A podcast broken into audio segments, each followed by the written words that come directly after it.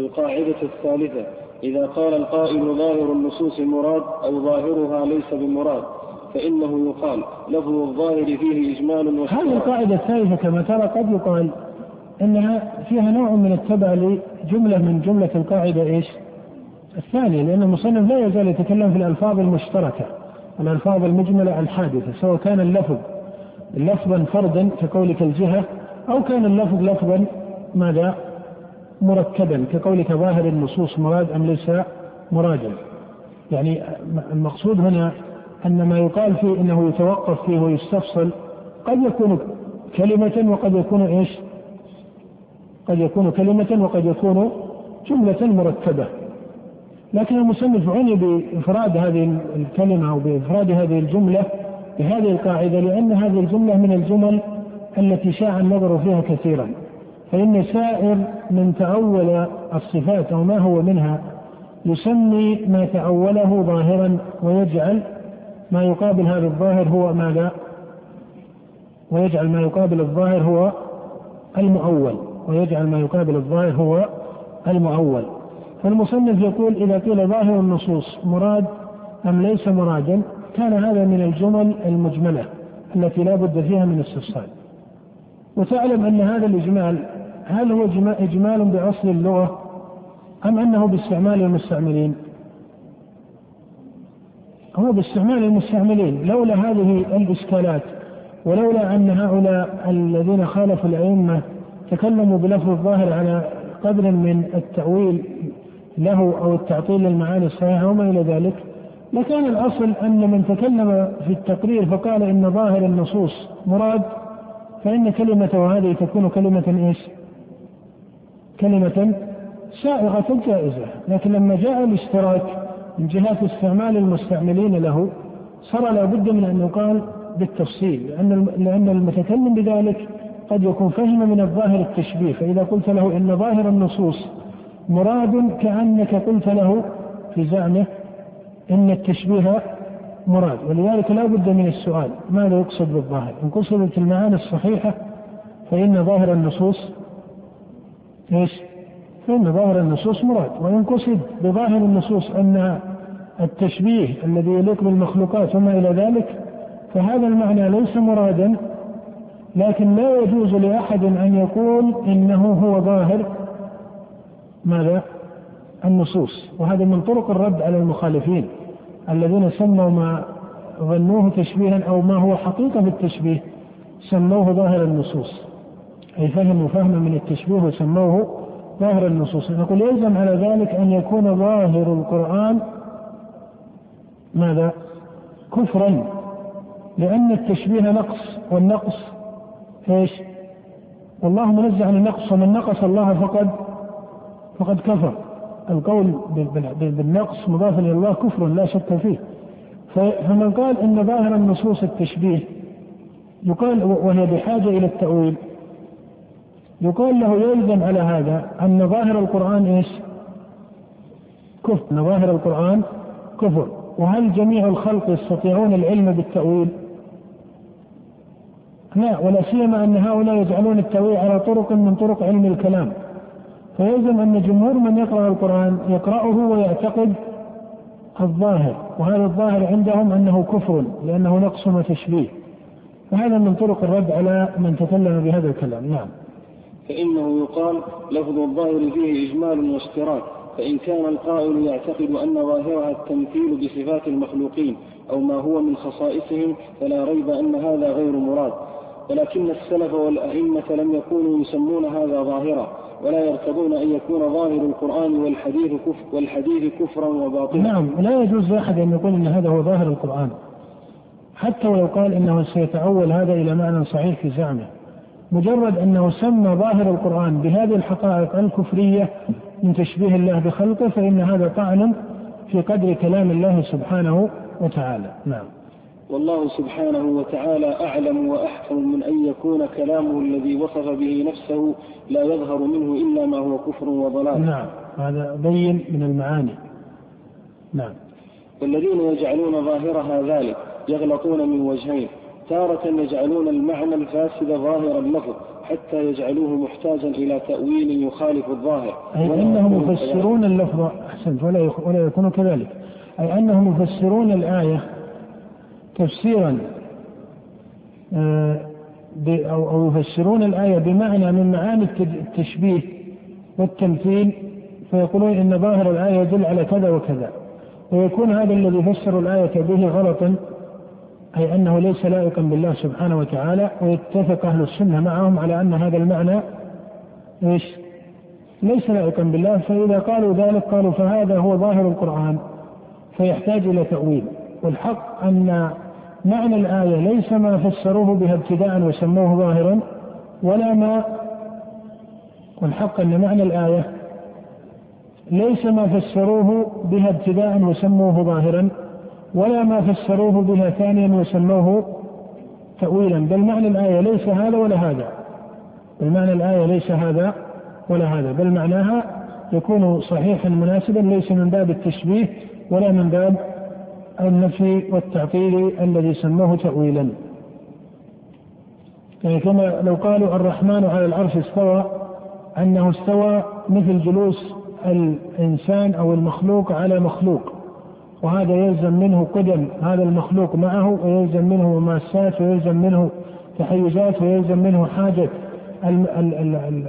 الباري إلى الاستواء على العرش أو إلى العرش أو ما إلى ذلك من الكلمات التي يقحمون بها هذا النص أو يقحمونها على هذا النص.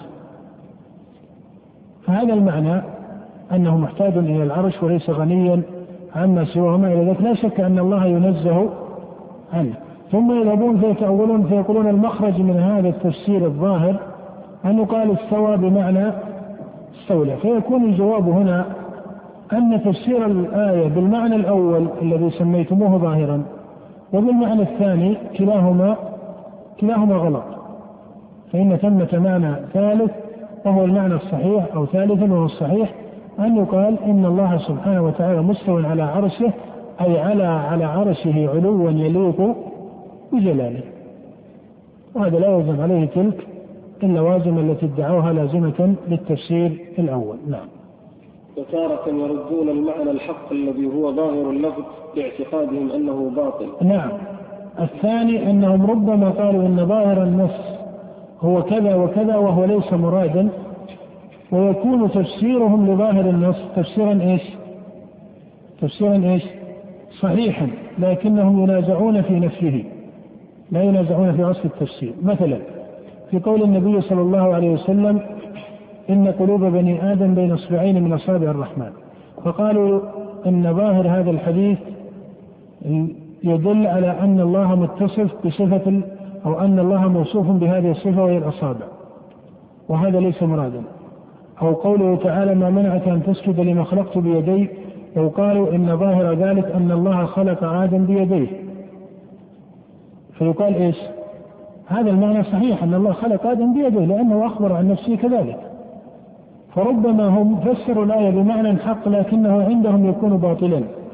فتكون منازعتهم في نفيه وليس في اصل التفسير. وهذا يختلف عن الوجه الأول وهو أنهم يفسرون الظاهر بمعنى يتفق معهم على أنه غلط اي أي المعنى لكن ينازع في كونه هو ظاهر اللفظ نعم الأول كما قالوا في قوله عبدي جعت فلم تطعمني الحديث. وفي الأثر الآخر الحجر الأسود يمين الله في الأرض فمن صافحه وقبله فكأنما صافح الله وقبل يمينه. وقوله قلوب العباد بين إصبعين من أصابع الرحمن. فقالوا قد علم أن ليس في قلوبنا أصابع الحق. فيقال لهم لو أعطيتم النصوص حقها من الدلالة لعلمتم أنها لا تدل إلا على حق.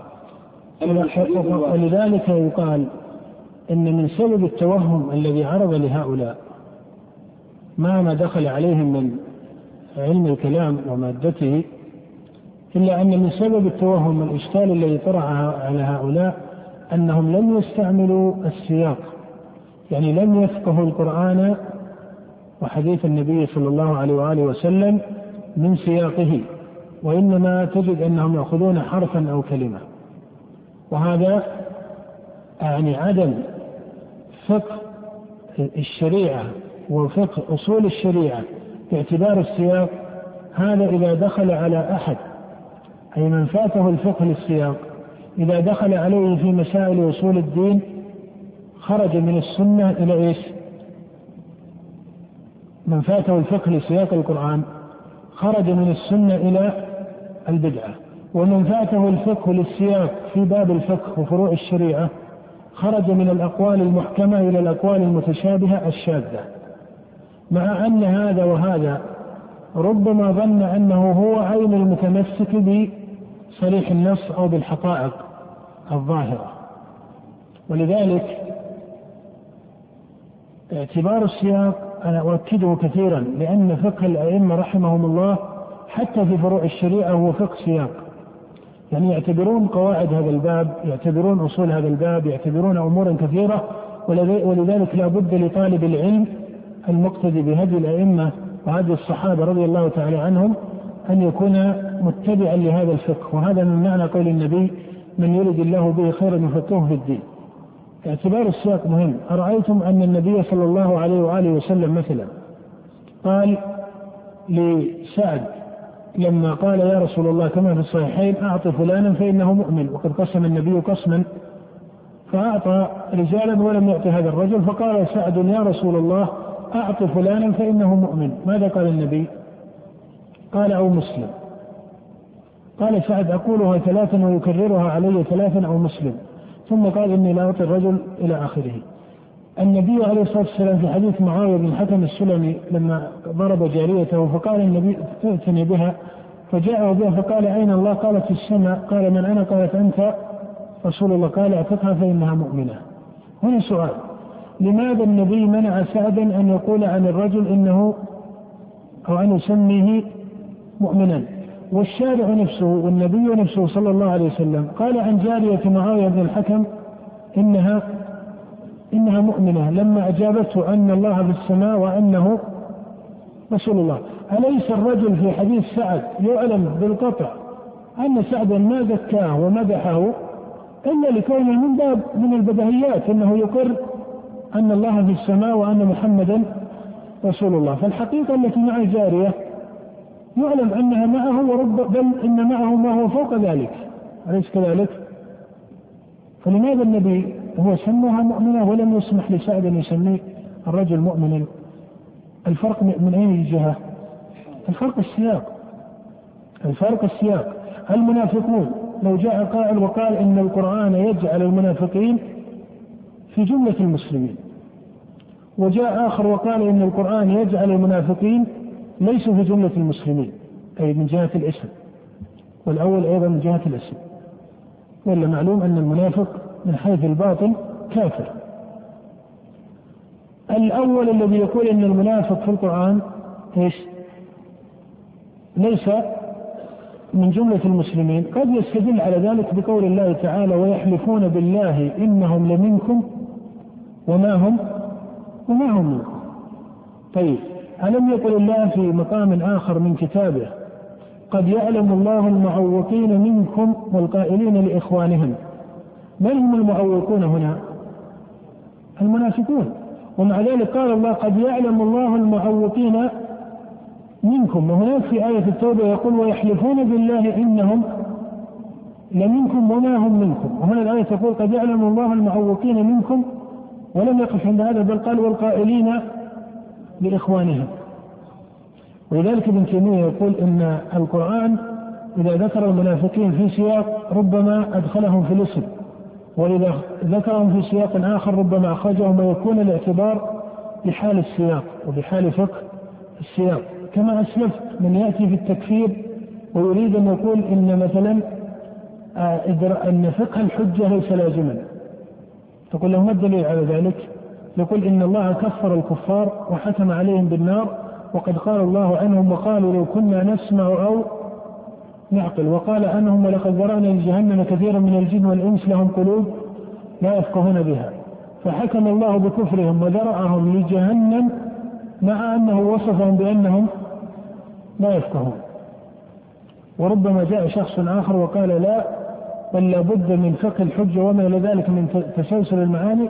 قال والدليل أن الله لما كفر أصحاب فرعون قال وجحدوا بها واستيقنتها أنفسهم أن الله قال عن أهل الكتاب الذين آتيناهم الكتاب يعرفونه كما يعرفون أبنائهم مع أن المسمى في حقيقته ليس متناقضا بمعنى أن القوم الذين قال الله فيهم ولقد ذرأنا لجهنم كثيرا من الجن والإنس لهم قلوب لا يفقهون بها. هؤلاء الذي ذرأهم سبحانه وتعالى بجهنم وقال لهم قلوب لا يفقهون بها.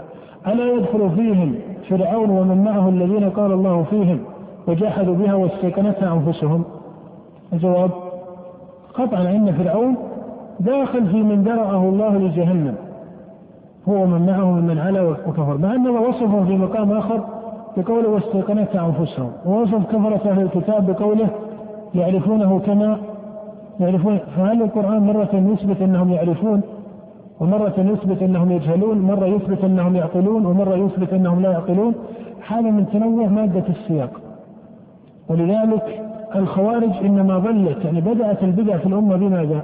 أنهم قرأوا كل ما أرادوا أن يخرجوا منها أعيدوا فيها. إنك من تدخل النار فقد خذيته أولا لم يعتبروا سياق الآيات الأخرى هذا نقص فاتهم لم يقرأوا قول الله تعالى بالفقه ويغفر ما دون ذلك لمن يشاء. الثاني أنهم لم يفقهوا سياق الآية وإلا لو قرأوا ما بين يديها وما خلفها وتأملوا في سياق الآية نفسها. لبان لهم أن هذه هذا السياق هو في قوم من؟ هو في قوم كفار. أن هذا في سياق قوم كفار. فإذا لا بد من اعتبار فقه السياق سواء في أصول الدين أو في مسائل الفروع. وهنا يقال إن من فاته الفقه للسياق فإذا كان في باب أصول الدين فإنه يخرج من السنة إلى البدعة كما فعلت الخوارج. لم يفقهوا سياق القرآن إنما أخذوا كلمات أفراد من كلمات القرآن وهذا من الضلال الذي ظلت فيه أهل الكتاب الذين قال الله فيهم في في في موجبات كفرهم أنهم يؤمنون ببعض الكتاب ويكفرون بإيش؟ ببعض، فربما كان هذا الكفر كفر جحود وربما كان هذا من باب التحريف أو من باب الترك أو من باب عدم الفقه وما إلى ذلك. نعم. أما الحديث الواحد فقوله الحجر الأسود يمين الله في الأرض فمن صافحه وقبله فكأنما صافح الله وقبل يمينه. صريح في أن الحجر الأسود ليس هو صفة لله ولا هو نفس يمينه لأنه قال يمين الله في الأرض وقال فمن قبله وصافحه فكأنما صافح الله وقبل يمينه. وأنت هنا لست بحاجة أن تقول أن هذا الأثر المصنف سيبين أنه ليس حديثا مرفوعا وإن كان قد روي رفعه لكنه لا يصح للنبي صلى الله عليه وسلم إنما هو مشهور عن ابن عباس. وقد نص المصنف في موضع من أو مواضع من كتبه أنه روي بإسناد لا يثبت. فالمقصود أنك لست بحاجة أن تقول أن هذا من باب المجاز. بل إن من قرأ هذا الأثر وقرأ سياقه تاما لا يفقه منه أن الحجر الأسود هو يمين الله على الحقيقة أي أنه صفة من صفاته القائمة بذاته. ولذلك قال ابن عباس في الأثر نفسه فمن صافحه وقبله فإيش؟ فتعنم فالأمر هنا جاء على طريق الأخذ بالكناية والتشبيه وما إلى ذلك. وليس من باب الحقائق التي هي من باب الصفات التي تليق بالله سبحانه وتعالى. ومعلوم أن الله يمتنع أن يكون الحجر الأسود وهو حجرا مخلوقا خلقه الله سبحانه وتعالى يمتنع أن يكون صفة من صفات الباري القائمة بذاته كيديه سبحانه وتعالى وما إلى ذلك. نعم. ومعلوم أن المشبه غير المشبه به ففي نص الحديث بيان أن مستلمه ليس مصافحا لله وأنه ليس هو نفس يمينه. فكيف يجعل ظاهره كفرا وأنه محتاج إلى التأويل مع أن هذا الحديث إنما يعرف عن ابن عباس؟ يعني ليس من كلام النبي صلى الله عليه وسلم والإضافة فيه يمين الله هي من باب إضافة التشريف. هي من باب إضافة التشريف. وتعلم أن المضافات إلى الله ليس من باب الصفات والأفعال بالضرورة قد يكون كقولك رسول الله. فهل معنى أن الرسول صفة من صفات الله؟ إنما سمي برسول الله صلى الله عليه وسلم أو قيل نبي الله أو بيت الله من باب إضافة الاختصاص والتشريف لأن الله أرسله أن الله جعل هذا البيت قياما للناس إلى غير ذلك. وأما الحديث الآخر فهو في الصحيح مفسرا يقول الله عبدي جعت فلم تطعمني. فيقول رب كيف أطعمك وأنت رب العالمين؟ فيقول أما علمت أن عبدي فلانا جاع فلو أطعمته لوجدت ذلك عندي. نعم فقوله أما علمت أن عبدي فلانا إلى آخره هذا هو التفسير للأول. هذا هو التفسير للأول. وهذا معروف في كلام العرب وهذا معروف في كلام العرب. ولذلك لا يقال أن هذا النص يحتاج إلى تأويل بل هو مفسر في نفس سياقه بل هو مفسر في نفس سياقه. هذا ليس من باب التأويل. يعني من قال إن الأئمة تأولوا حديث عبدي جئت فلم تطعمني قال هذا ليس من باب التأويل. ليس في كلام الأئمة أبدا استعمال للتأويل بمعنى التأويل الذي استعمله المتكلمون. أما إذا قلت التأويل بمعنى التفسير للحديث أو التفسير للآية كما يقول ابن جرير تأويل قوله تعالى هذا معنى لا إشكال فيه. لكن التأويل بمعنى التأويل الكلامي هذا لم يقع. إنما قد ظن من ظن أن ظاهر النص شيئا فزعم أن الخروج عنه من باب التأويل. والحق أن كلمات الله وكلمات نبيه صلى الله عليه وسلم في الأخبار عن نفسه سبحانه وتعالى أو إخبار نبيه عنه هي كلمات تقصد على معنى واحد ولذلك سبق أن أشرت إلى أن ابن تيمية تكلم في المجاز من جهة كونه من عوارض إيش؟ المعاني يقول لا يمكن أن يكون خبر آه، عن الله سبحانه وتعالى له معنى باطل ومعنى صحيح والأول يسمى حقيقة والثاني يسمى مجازا إلى آخره بل الآية لا تدل إلا على معنى واحد وهو المعنى الحق وهذا هو ظاهر الآية وهو باطنها ليس لها أكثر من ذلك. نعم. عبدي مرضت فلم تعدني فيقول ربي كيف أعودك وأنت رب العالمين؟ فيقول أما علمت أن عبدي فلانا ميت فلو عدته لوجدتني عنده. وهذا صريح في أن الله سبحانه وتعالى لم يمرض ولم يجع ولكن مرض عبده وجاع عبده فجعل جوعه جوعه ومرضه مرضه. مفسرا ذلك بأنك لو أطعمته لوجدت ذلك عندي نعم ولذلك إذا قرأت هذا الحديث على آه، العامة من المسلمين قراءة تامة بل لو قرأت هذا الحديث على غير مسلم وقلت إن في حديث نبي الإسلام عليه الصلاة والسلام مثل هذا الحديث لا تجد أنه يستشكل السياق لأن السياق هنا سياق باجتماعه سياق إيش؟ سياق كمال أليس كذلك؟ السياق باجتماعه سياق كمال. لكن إذا ما قطع فقيل إن النبي قال عبدي جئت فلم تطعمني. وقطع الحديث عن سياقه. هنا يتبادر الإشكال إلى بعض الأذهان أو ربما تبادر الإشكال إلى بعض الأذهان. نعم.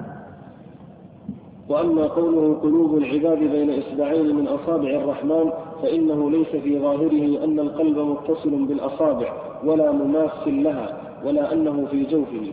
ولا في قول القائل هذا بين هذا بين بين يديه ما يقتضي مباشرته ليديه. لأن هذا وإن أمكن أن البينية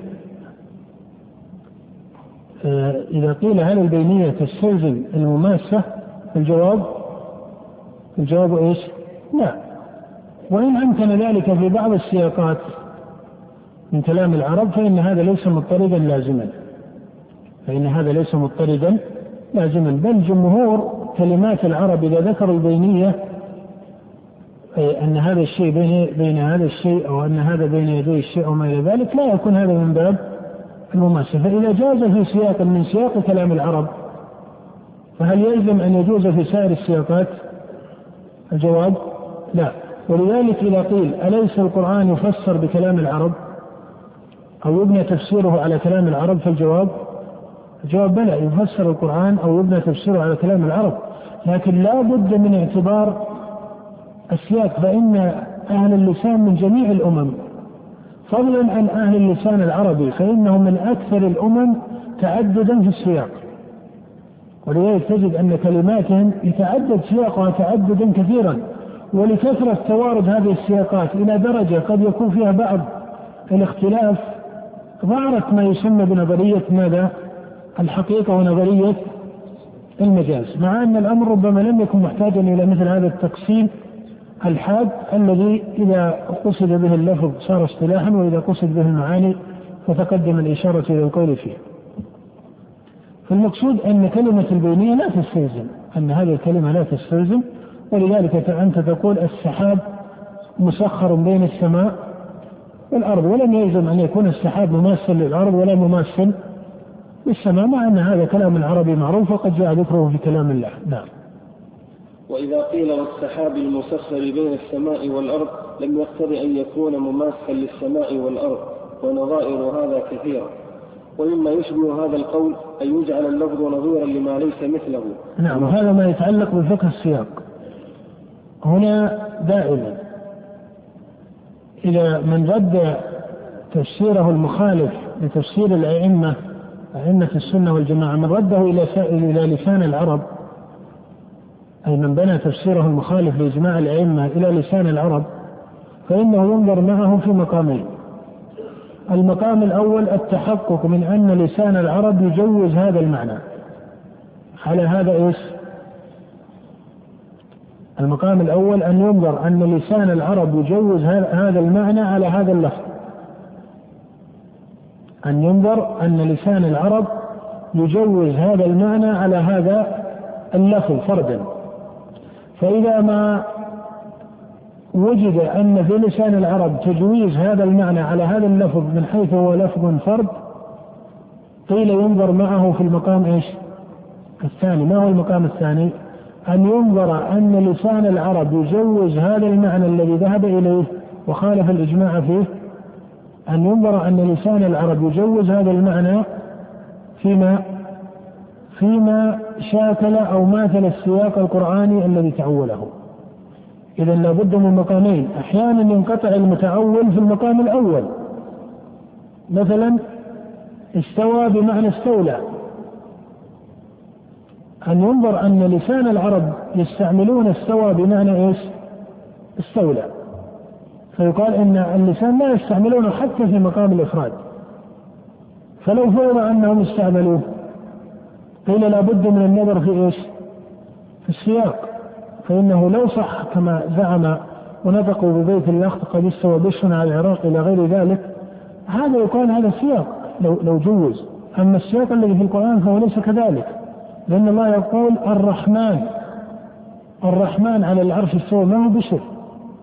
والرحمن قد إذا كنت تكلمت في مسألة الاستيلاء والملك فالله لا يوصف بالاستيلاء لأن الاستيلاء يكون عن ماذا؟ عن مغالبة أليس كذلك؟ وعن انتفاع وكأنه أحد نازعه أو غالبه في ملكه أو ما إلى ذلك. ثم إن ملكه سبحانه وتعالى ليس مختصا حتى إذا فسر الاستيلاء بالملك الذي ليس عن مغالبة. ملكه ليس مختصا بما بالعرش وحده بل هو ملك ومالك السماوات والأرض ومن فيهن إلى غير ذلك. فاعتبار السياق هذا يدل من حقائق السياق الأساسية أن هذه الصفات أضيفت إلى من؟ أضيفت إلى من؟ إلى الله سبحانه وتعالى. فهذا من اعتبار السياق. نعم. كما قيل في قوله ما منعك أن تسجد لما خلقت بيدي فقيل هو مثل قوله أولم يروا أنا خلقنا لهم مما عملت أيدينا أنعاما. فهذا ليس إذا هنا في سياق في كلام الله ثلاث سياقات. تجد قوله تعالى والسماء بنيناها بأيد فتجد أن تفسيرها إيش؟ بقوة. تجد قوله تعالى ما منعك أن تسجد لما خلقت بيدي فيقال إن هذا فيه إثبات صفة اليدين ومعنى أن الله خلق آدم بيديه على الحقيقة. على ما يليق بجلاله من الفعل الذي لا نعلم كيفيته. وتجد قوله تعالى أولم يروا أن خلقنا لهم مما عملت أيدينا فتجد أن تفسيرها مما عملنا. هذا التفسير ليس من باب التضاد بل هذا من باب التنوع الذي جميعه لائق جميعه لائق بالله. وإنما فسرت الآية الأولى بهذا والثانية بهذا الوجه والثالثة بالوجه الثالث من باب اعتبار السياق من باب اعتبار السياق نعم.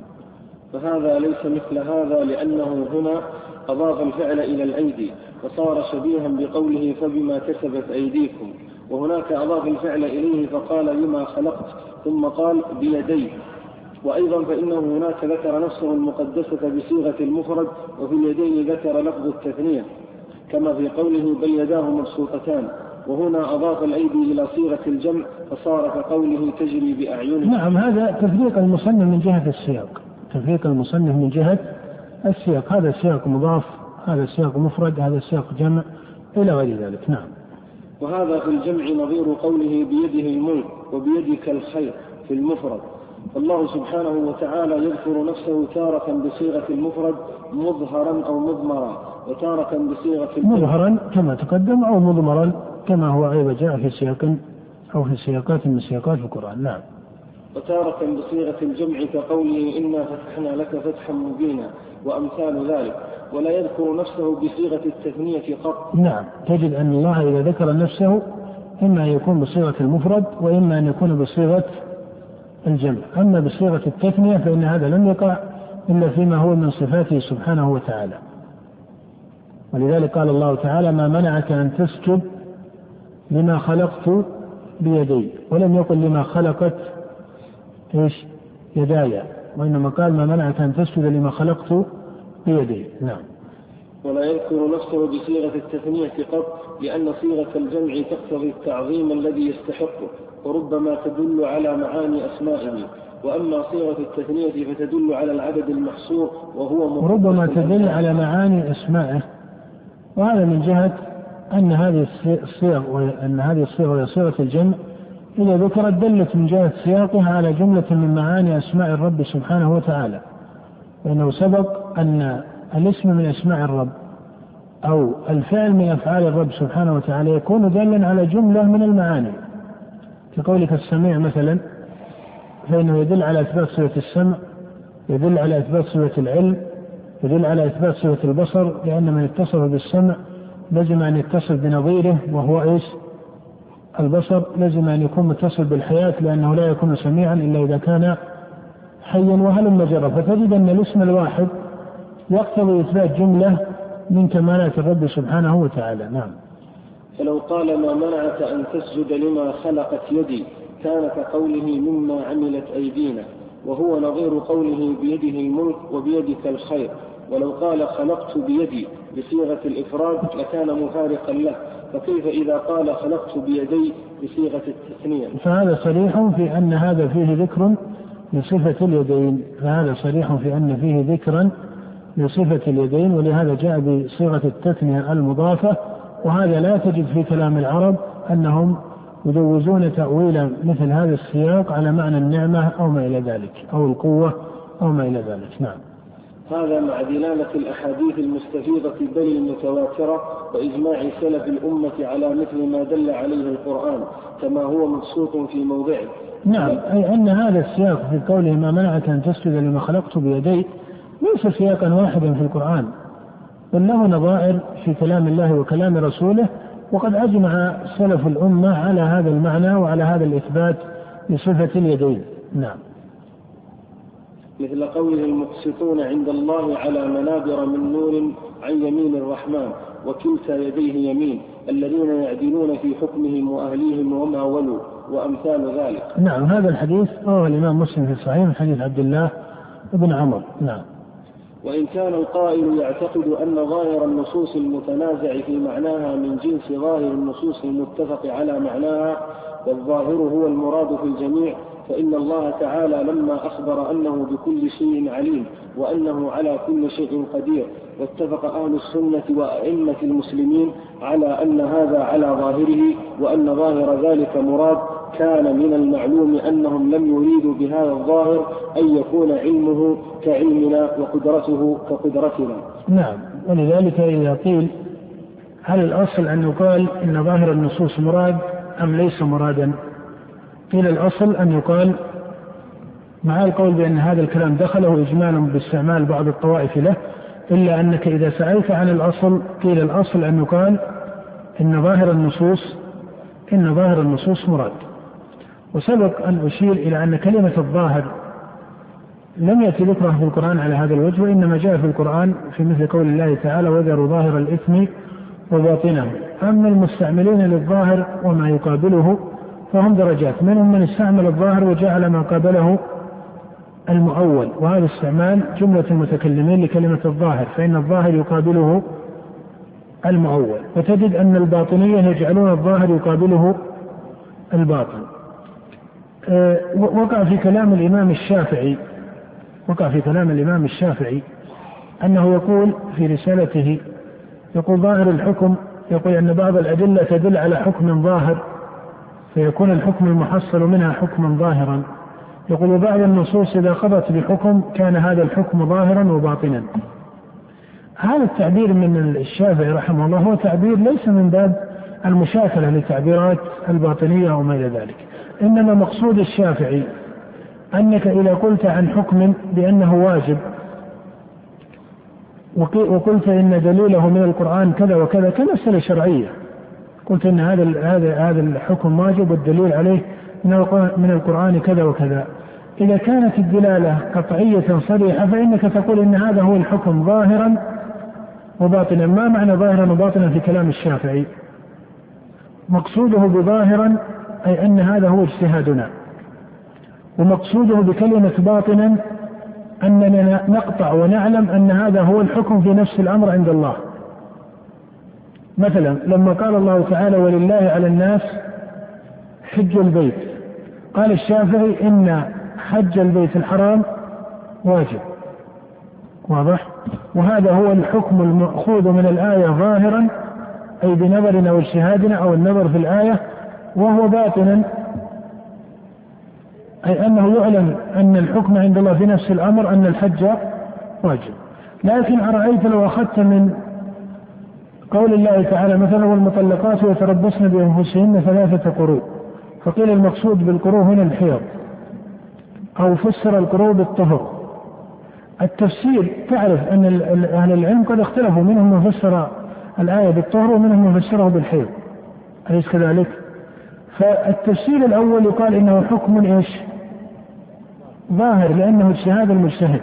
وهل يقطع بأنه الباطن؟ أي الحكم في نفس الأمر؟ لا هذا مقصود الشافعي. يقول إن دلالة الآيات والأحاديث تكون على وجهين. إما أن يقال إن الحكم ظاهر باطن وإما أن يقال إن الحكم ظاهر ولا يجزم بأنه باطن. هذا مقصود الشافعي بهذا الاصطلاح الذي ذكره في رسالته وليس هو من باب اصطلاح أو أو ليس هو من باب معاني الباطنية. نعم. وكذلك لما اتفقوا على أنه حي حقيقة عالم حقيقة قادر حقيقة لم يكن مرادهم أنه مثل المخلوق الذي هو حي عليم قدير. فكذلك إذا قالوا في قوله يحبهم ويحبونه رضي الله عنهم ورضوا عنه وقوله ثم استوى على العرش أنه على إنه على ظاهره.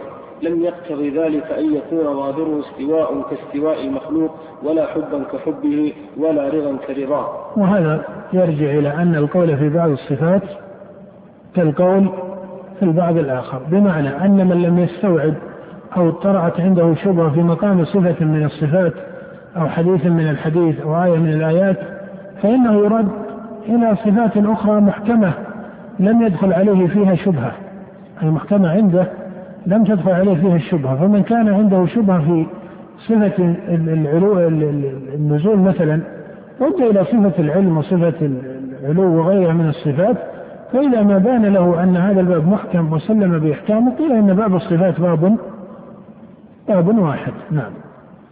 فإن كان المستمع يظن أن ظاهر الصفات تماثل صفات المخلوق تماثل صفات المخلوقين لزمه أن لا يكون شيء من ظاهر ذلك مرادا. وإن كان يعتقد أن ظاهرها هو ما يليق بالخالق ويختص به لم يكن له نفي هذا الظاهر. نعم هذا نتيجة البحث السابق أن ظاهر النصوص أهو مراد أم ليس مرادا. يقال الأصل أن يقال أن ظاهر النصوص إيش؟ إن ظاهر النصوص مراد. لكن هذه الجملة لما استعملها من استعملها على معنى من الاشتراك المجمل وضمنوها ما هو من المعاني الباطلة صار لا بد أو احتيج إلى الاستفصال في بعض مقامات ذكرها. نعم. ونفي ونفي أن يكون مرادا إلا بدليل يدل على النفي وليس في العقل ولا في السمع ما ينفي هذا إلا من جنس ما ينفي به سائر الصفات فيكون الكلام في الجميع واحدا. يعني لا يجوز من العقل ولا من السمع أن يختص السمع أو العقل بنفي صفة معينة دون غيرها بل إذا فرض أن السمع يدل على النفي لزم أن يدل على نفي سائر الصفات. وإذا فرض جدلا أن العقل يدل على النفي لزم أن يكون دالا على نفي سائر الصفات. ومعلوم أنه يمتنع أن يكون العقل فضلا عن السمع قد دل على نفي سائر الصفات. فإذا علم هذا الامتناع علم امتناع التأويل لصفة من الصفات.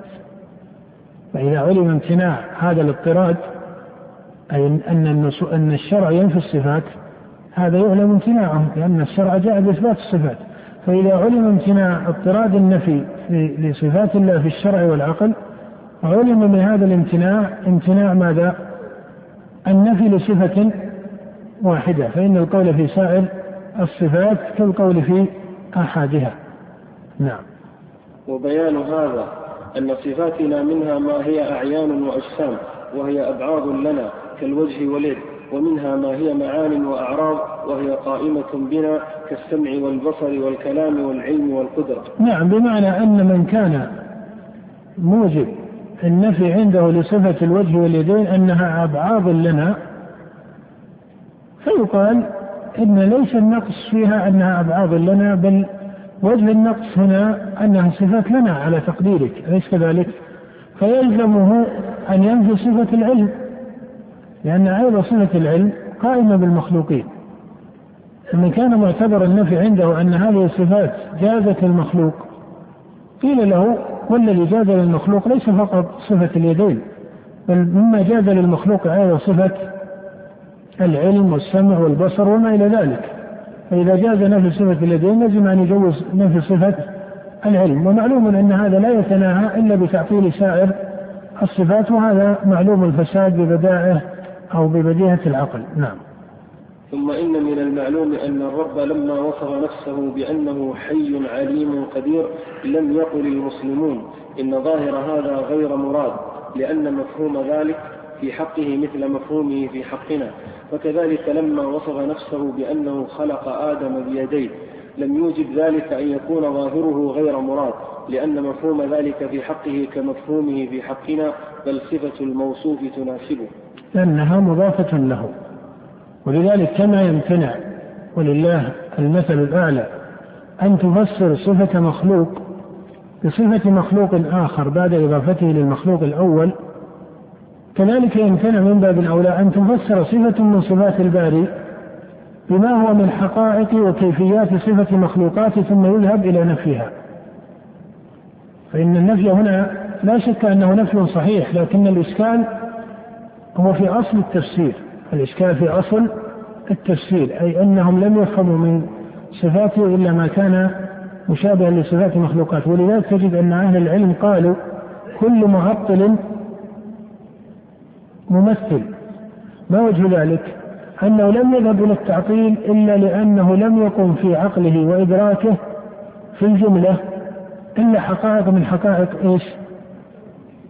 التشبيه والتمثيل فذهب ينفيها وإلا لو تحقق في مدرته الكمال اللائق بالله سبحانه وتعالى ولم يدخل عليه مادة من التشبيه لما انقاد عقله إلى مقام التعطيل. نعم.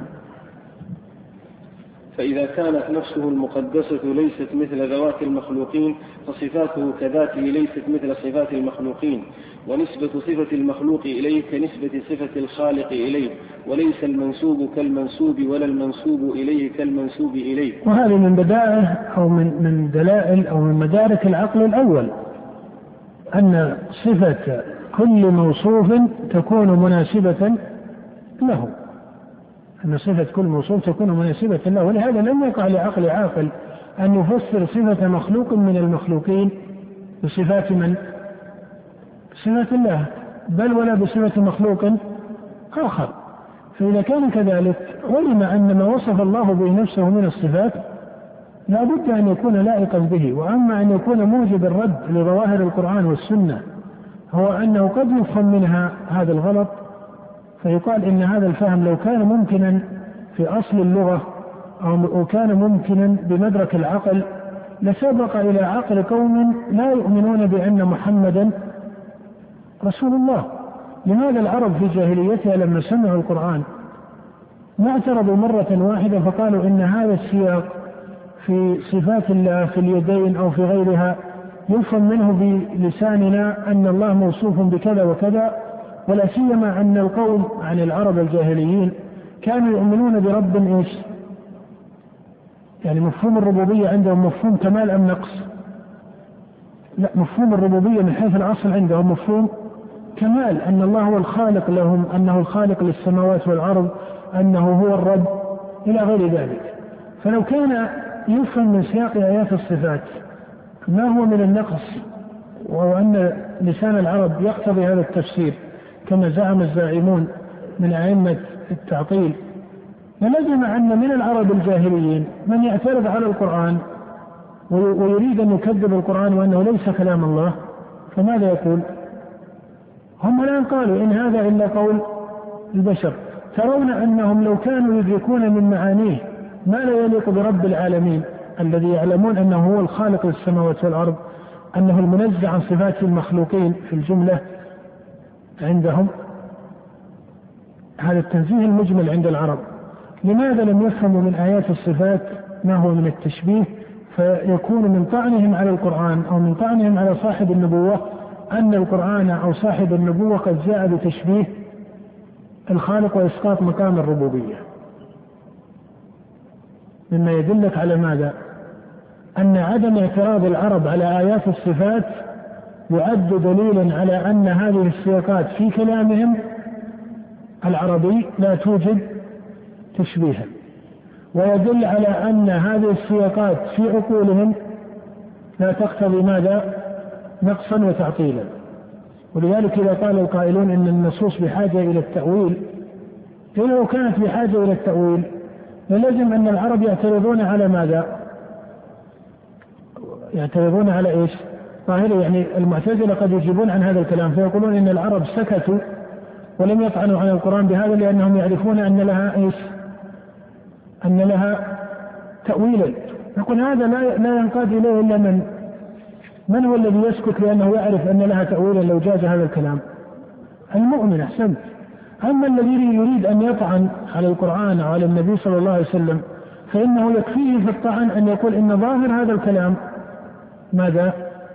إن ظاهر هذا الكلام إيش؟ النقص فسكوت العرب مع أنهم قالوا كلاما يعرفون غلطه قالوا عن النبي أنه مجنون يعني هل هل يمكن أن القوم يقولون عن هذا الرجل عليه الصلاة والسلام إنه مجنون. وهذا يدلك على أن الحجج قد تناهت عندهم. حتى استعملوا كلاما هم يعرفون غلطه وحتى نساءهم وحتى صبيانهم يعرفون أن هذا الرجل ليس مجنونا.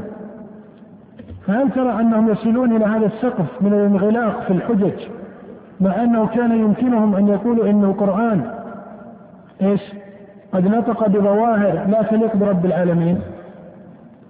لو كان هذا متبادرا أو ممكنا في عقولهم أو لسانهم لكان هذا أقوى بكثير بل من أقوى الحجج التي يستعملها هؤلاء على إيش؟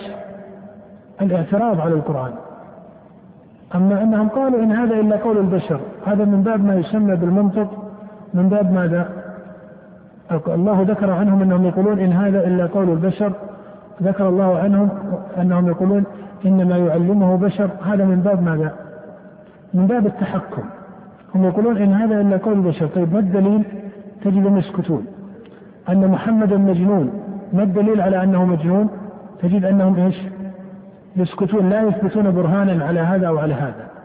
فلو فرض ان ان أن هذه الأمور ممكنة في لسانهم أو حتى في عقولهم لكان هذا الاعتراض ولذلك هذا يبين لك أن أن هذا الباب ليس فيه إشكال والدليل على ذلك أيضا أن النبي صلى الله عليه وسلم ينزل عليه القرآن ويحدث ويخبر عن ربه عليه الصلاة والسلام وما نقل أن أحدا لا من المسلمين ولا ممن وفد من المشركين الذين ربما أسلم أو لم يسلم يسمع هذا القرآن أو هذا الحديث فاستشكل صفة واحدة مما يدل على أن المعاني إيش؟ معاني ماذا؟ مستقرة وهذا الذي ذكر في كلام العرب أو في شأن العرب الجاهلين كما أنه يبطل التأويل هو يبطل ماذا؟ التفويض هو يبطل ماذا؟